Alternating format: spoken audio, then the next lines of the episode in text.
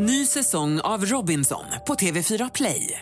Hetta, storm, hunger. Det har hela tiden varit en kamp. Nu är det blod och tårar. Fan händer just nu. Det. är Detta är inte okej. Robinson 2024, nu fucking kör vi! Streama söndag på TV4 Play. Podplay.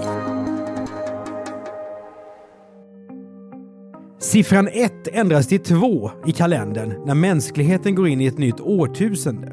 Men den lilla manövern kommer att kosta oss miljarders miljarder. Medan fyrverkerierna går i luften den 31 december 1999 oroar sig hela världen. Ska datumbytet få världens alla datorer att stanna? Sjukhusvården att krascha? Kärnvapen att avfyras av misstag? Kanske hade det blivit så om inte Lars Järvall och hans kollegor hade funnits. Det här är Jag var där, en dokumentär från Podplay av Andreas Utterström och Mattias Bergman. Nytt avsnitt varje onsdag om du inte lyssnar genom Podplay. Där finns hela säsongen redan nu. Jag heter Lars Järvall. Hur länge har du jobbat med IT-frågor? Oj, jag jobbades, har jobbat med de frågorna sedan slutet av 80-talet. Jag var på universitetet tidigare och sen eh, gick jag över till sjukvården. Sjukvården ja. I slutet av 90-talet är Lars IT-chef vid landstinget i Östergötland. Det betyder stort ansvar över Linköpingbornas väl och ve. Om teknologin fallerar i vården kan ju medborgarna dö i värsta fall. Minns du när du första gången hörde talas om millenniebuggen? Alltså själva begreppet om den här problematiken, den kände jag ju väl till sedan lång tid tillbaka i och med att man har jobbat lite med datorer och har förstått och sett hur det representeras i, i våra datorer. Men eh, eftersom det här var ganska väl känt, den här problematiken, så, så började vi, jag skulle tro 96, 97 aktivt att eh, fokusera på den här problematiken. Problematiken ja, det är en IT-chefs lite distanserade beskrivning av vad som nu ska bli panik. För ungefär 1995 börjar snacket spridas bland experter som Lars. Och när år 2000 närmar sig ska varenda människa i snart sagt hela världen lära sig vad millenniebuggen är för något. Y2K. Den akronymen låter typiskt techig, men det här är inte komplicerat. Låt oss gå tillbaka till datorålderns tonår, 60 och 70-talen. En stordator kan vara stor som en bil. Programmerare kan inte slösa med lagringsutrymmet. För varje bit i en rad med programkod går det åt mer minne. Så när man skriver kod för att hantera datum, ja då får det räcka med två siffror. 1975 blir 75. Inga konstigheter. För ingen kan då tänka sig att programkoden ska vara gångbar längre än 10-15 år. Men nu närmar sig plötsligt ett nytt årtusende med stormsteg. Inte bara ska datumet ändras från 99 till 00 i de här programvarorna som fortfarande körs. Hundratalen ska ju bytas när 1900-talet blir 2000. Och vad kommer att hända med alla programmen då? De kan få fnatt, ta fel på år eller kajka ur helt och hållet. Så här låter det i P4-dokumentären Millenniebuggen från Sveriges Radio. Jag ser att du står och tittar på datorer. Ja. Tänker du på att de ska klara sekelskiftet om du köper en maskin? Ja, det tar jag alltid reda på. Det gör du? Självklart, ja. Visst. Under 1999 får alla svenska hushåll en folder hem i brevlådan med sånt som kan vara viktigt att tänka på inför det nya årtusendet under rubriken Kris och kaos eller Gott nytt år. Ett par år före 2000 duggar varningarna allt tätare. I Dagens Industri i november 1996 säger en expert datakollapsen år 2000 kostar 600 miljarder dollar. Och i Svenska Dagbladet heter det Uppvaknandet har kommit sent och beredskapen förefaller låg. 98, våren så tidigt. Fanns det några sådana här worst case scenarios som du såg framför dig? Alltså det är ju klart att eh, man, man må, kunde ju, eller var orolig för att innan vi hade kontroll på de här, att det skulle drabba eh, vården så att vitala system eller patientövervakning eller andra eh, in, annan infrastruktur för vården skulle fallera som el och, och så vidare. Då. Och så att eh, det var ju en farhåga tycker jag man kunde ha innan vi hade hunnit titta på vad är det för egentligen som skulle kunna hända och vad ska vi göra åt det. Det, det skulle kunna vara ett scenario att vi varit utan vissa delar i vår infrastruktur. Infrastruktur ja. För det är inte bara Svenssons gamla hem-PC med Pentium 2-processor som riskerar att knacka ihop. Datorer i allmänhet och i synnerhet då stordatorer som det hette på den tiden med äldre programmeringsspråk och så som var lite fokus på. Men även eh, tekniska system för fastigheter, låssystem, fläktar och, och sådana saker. Ja, tänk på allt som innehåller ett datorchip. Trafikljus, bank och försvarssystem, kärnkraftverk, eldrivna dörrar i matbutiker, flygledartorn och flygplanen, pacemakers. Allt tycks kunna gå fullständigt åt helvete just vid midnatt den 31 december 1999. Så här låter det i SVTs Rapport hösten 1999. Det går att tjäna pengar på skräcken inför vad som kan hända i samband med millennieskiftet. Många amerikaner till exempel är livrädda för att deras toaletter ska sluta fungera och det har blivit ett lyft för ett företag i Småland som gör mulltoaletter. VD Leif Månsson sitter bokstavligt talat på företagets framtid. För ju närmare sekelskiftet vi kommer, ju bättre pekar företagets kurvor. För på andra sidan Atlanten ökar amerikanernas oro för vad millenniumskiftet kan ställa till med. Här är många rädda för att elen ska slås ut på nyårsnatten, att reningsverk ska haverera och att toaletterna inte ska fungera. Så vad gör man? Man skriver om gammal kod. Miljarder rader kod runt om i världen. Bara amerikanska motsvarigheten till Försäkringskassan har 50 miljoner rader att gå igenom. Fastighetssystemen där man har låssystem som ska låsa vissa tider och datum och allt det här. Så att det var de delarna utifrån eh, som vi var mest oroade för att det skulle gå snett om det inte var uppdaterat. Lars skriver till verket. Han och kollegorna går igenom vad som behöver göras. Vilka system borde bytas på momangen? Vilka uppdateringar som man redan har planerat kan man skynda på? 1998 fattar landstingsstyrelsen beslut om satsningar för att lösa 2000-problemet.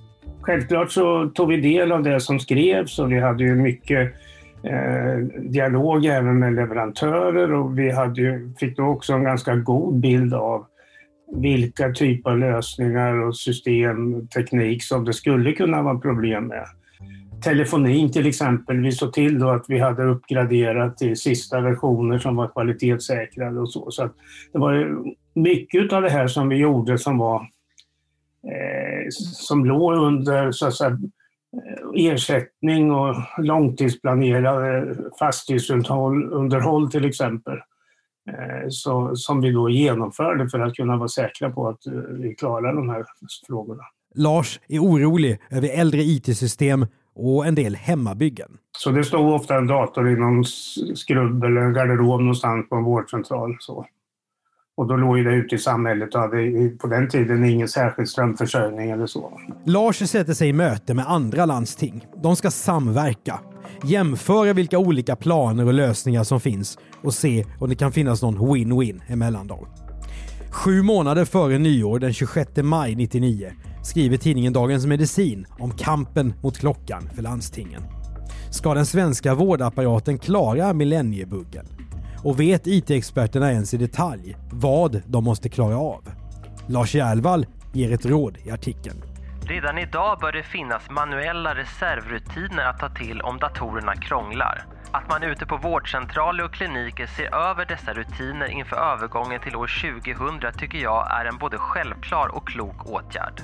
Rolig tid vet jag inte, men jag, jag tyckte det var ett, ett, bra arbete i den meningen att vi fick möjlighet att gå igenom allting och hade det här som drivkraft för att eh, få till eh, förbättra kvaliteten och säkerheten. Landstingets budget, det är alla våra pengar i slutändan.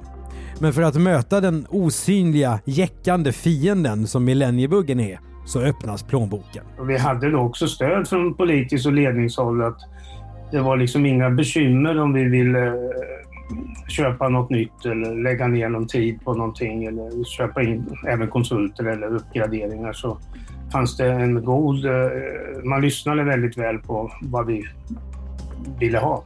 Y2K blir något man kan tjäna bra pengar på. IT-konsulter säljer analyser som vänder på stenarna i företagens IT-miljö och ska visa vilken kod som måste ändras.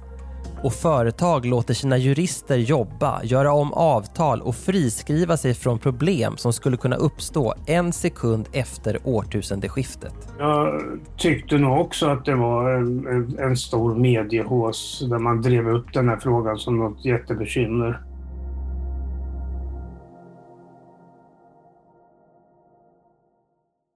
Ny säsong av Robinson på TV4 Play.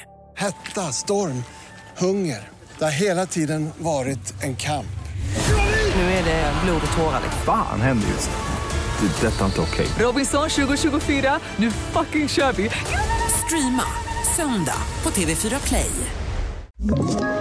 Ett poddtips från Podplay.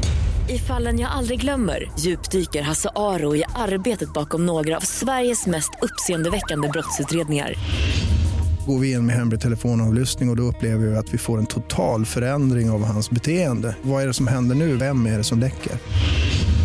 Och så säger han att jag är kriminell, jag har varit kriminell i hela mitt liv men att mörda ett barn, där går min gräns.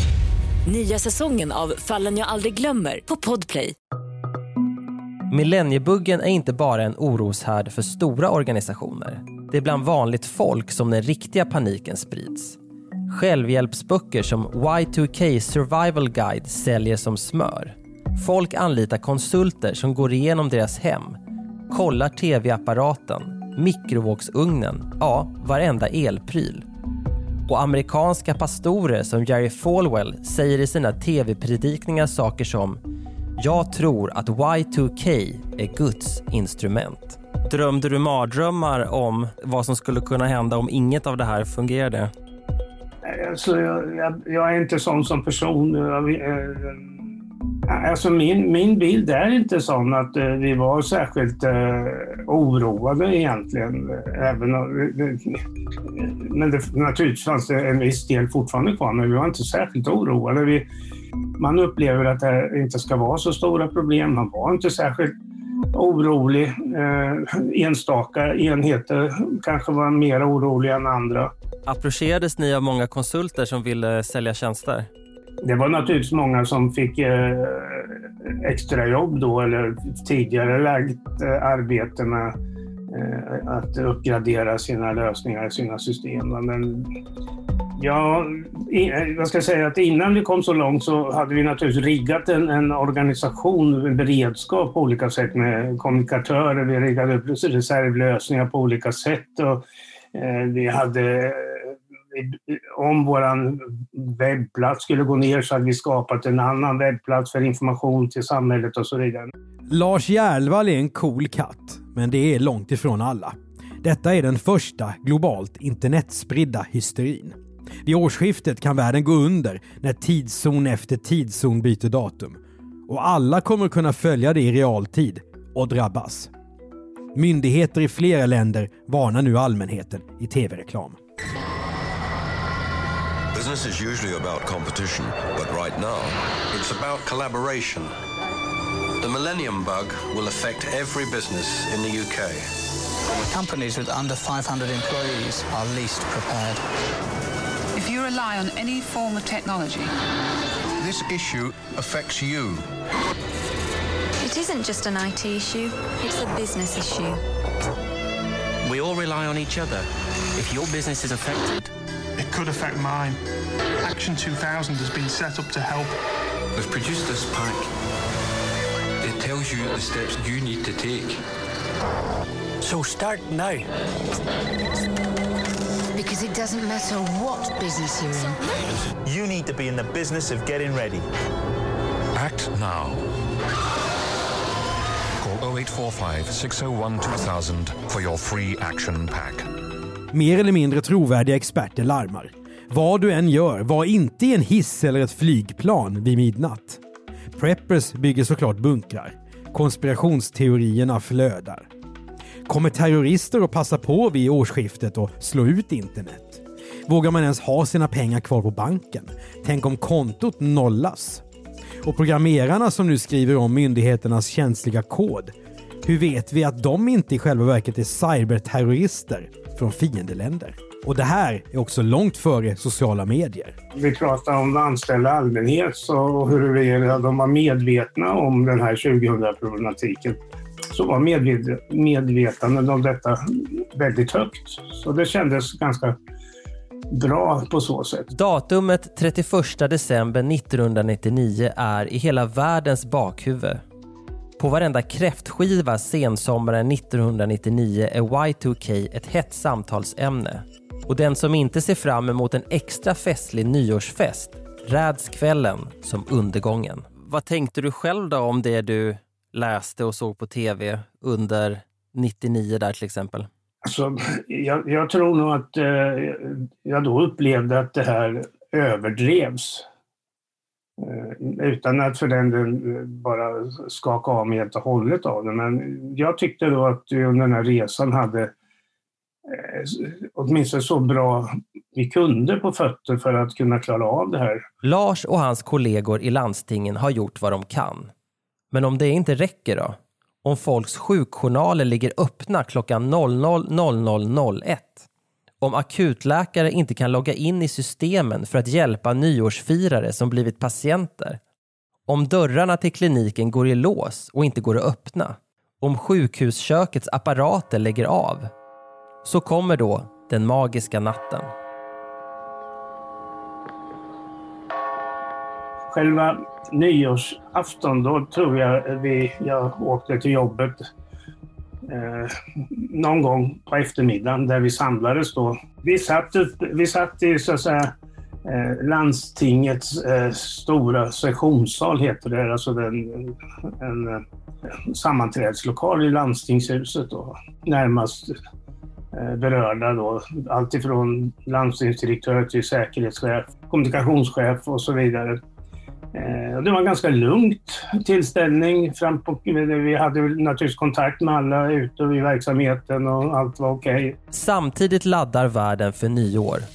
Oxfilémedaljonger steks, smokingkavajer vädras och champagnen tas fram ur kylen. Det var ju ändå nyårsafton så vi hade lite trevligt. Vi åt lite gott som vi hade med oss där, eller de hade tagit dit. Och vi drack någon, någon bubbel, inte bubbel i, i, den meningen att det var någon alkohol, men ändå på något sätt firade in det här. Trevligt tillställe. Det närmar sig nu. Är Östergötland verkligen 2000-säkrat? Det var inte mer än kanske sex, sju stycken som fanns där. Vi hade riggat upp så vi hade tv så vi kunde följa vad som hände på andra håll. Vi hade riggat upp fax, vi hade eh, eh, datorer och, och, och, så vidare. Vi hade sett till att vi hade telefon för att kunna vara i kontakt med andra. Så det var eh, som en del av ett center för att koordinera de här frågorna. Sen fanns det folk naturligtvis i ner närmare problematiken i datorrum och datorhallar och så vidare som då i, i den mån det skulle behövas göras någonting där. Men själva ledningsarbetet skedde från det här rummet. Kunde vi via tv följa hur det, hur det artade sig i andra länder utanför, som hade årsskifte tidigare då. När det närmar sig då framåt tolvslaget så är det klart att hjärtat slog lite extra och man var ju trots allt nervös om kommer ljuset att slockna, kommer det hända någonting annat? Eh, och eh, samtidigt som vi då ute kunde se ut genom fönstren att eh, raketer och annat fyrades av så hände det ingenting hos oss. Och det var ju naturligtvis en lättnadens suck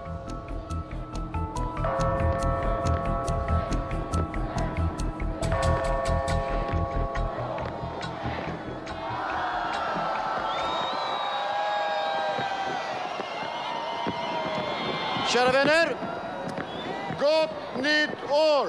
Happy New Year! And skål! Kung Carl Gustav brölar skål till svenska folket i Sveriges Television. Rockgruppen Europe, som finansmannen Jan Stenbeck har anlitat, spelar sin gamla hit The Final Countdown. Och jo då, både diskokulan, portkoden och stereoanläggningen på festen fungerar fortfarande. Nej, det var ingenting som jag upplever klickade under den här natten. Vid tresnåret på morgonen kan Lars och de andra landstingstjänstemännen släcka lyset och åka hem. Min hustru var på det vanliga nyårsfirandet med våra kompisar så att jag ja, åkte ju dit och hämtade upp henne klockan tre och eh, jag minns mest av natten den här natten det var att det hade snöat väldigt mycket så att det var lite bekymmersamt att ta sig fram på vägarna men jag gjorde en liten god gärning också då att eh, eh, tog upp några som pulsade i den djupa snön på väg framåt i, i nyårsnatten. Så snön var ett större problem än datorerna här då? Ja, egentligen i det här fallet. I Japan går ett par varningssystem för kärnkraftsolyckor, men det är falskt larm. I Australien kraschar ett system för bussbiljetter. Några klockor går fel och visar 1900 istället för 2000. Det lite åldrade operativsystemet Windows 3 visar årtalet 19 0 istället för 2000. Inte kul. Men på totalen, Y2K går upp i rök som en nyårsraket. Nästan ingenting hände. Men det fanns ju vad jag förstår efteråt att det var några kreditkortsföretag som hade, inte hade lyckats. Och precis som en nyårsraket så var millenniebuggen en kort och dyr upplevelse. Globalt uppskattas 300 miljarder dollar ha lagts på att komma åt Y2K-problemet.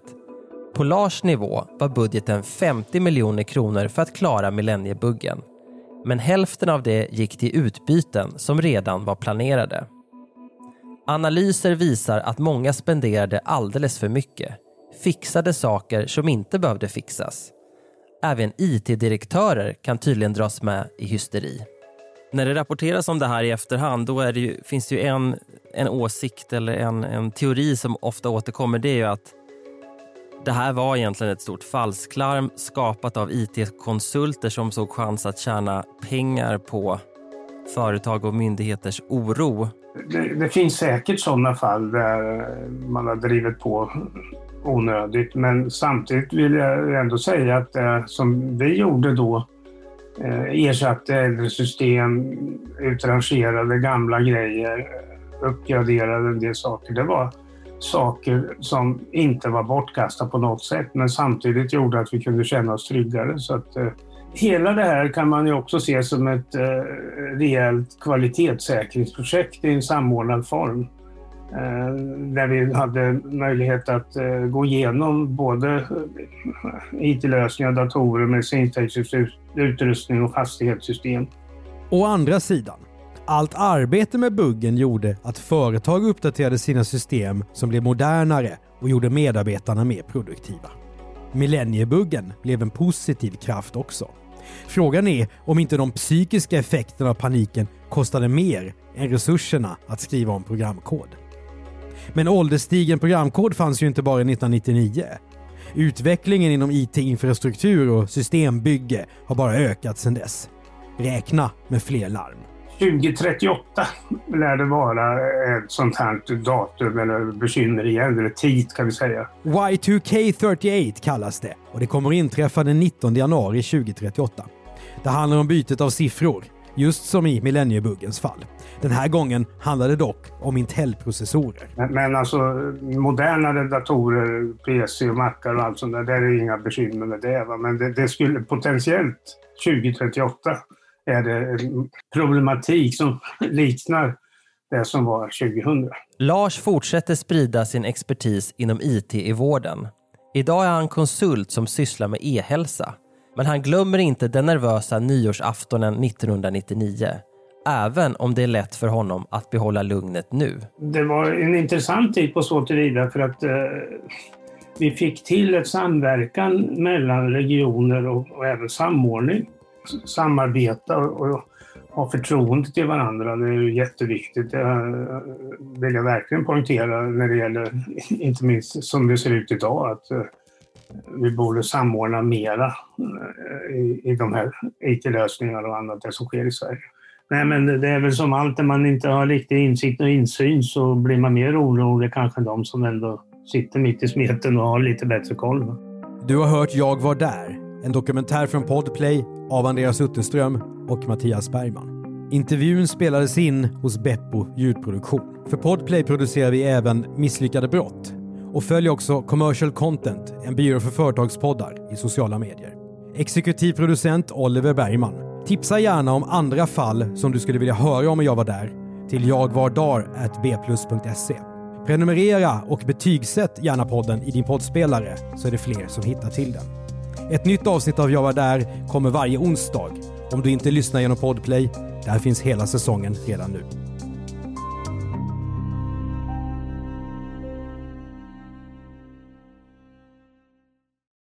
Ny säsong av Robinson på TV4 Play. Hetta, storm, hunger. Det har hela tiden varit en kamp. Nu är det blod och tårar. Fan händer just nu. Det. är Detta är inte okej. Robinson 2024, nu fucking kör vi! Streama söndag på TV4 Play.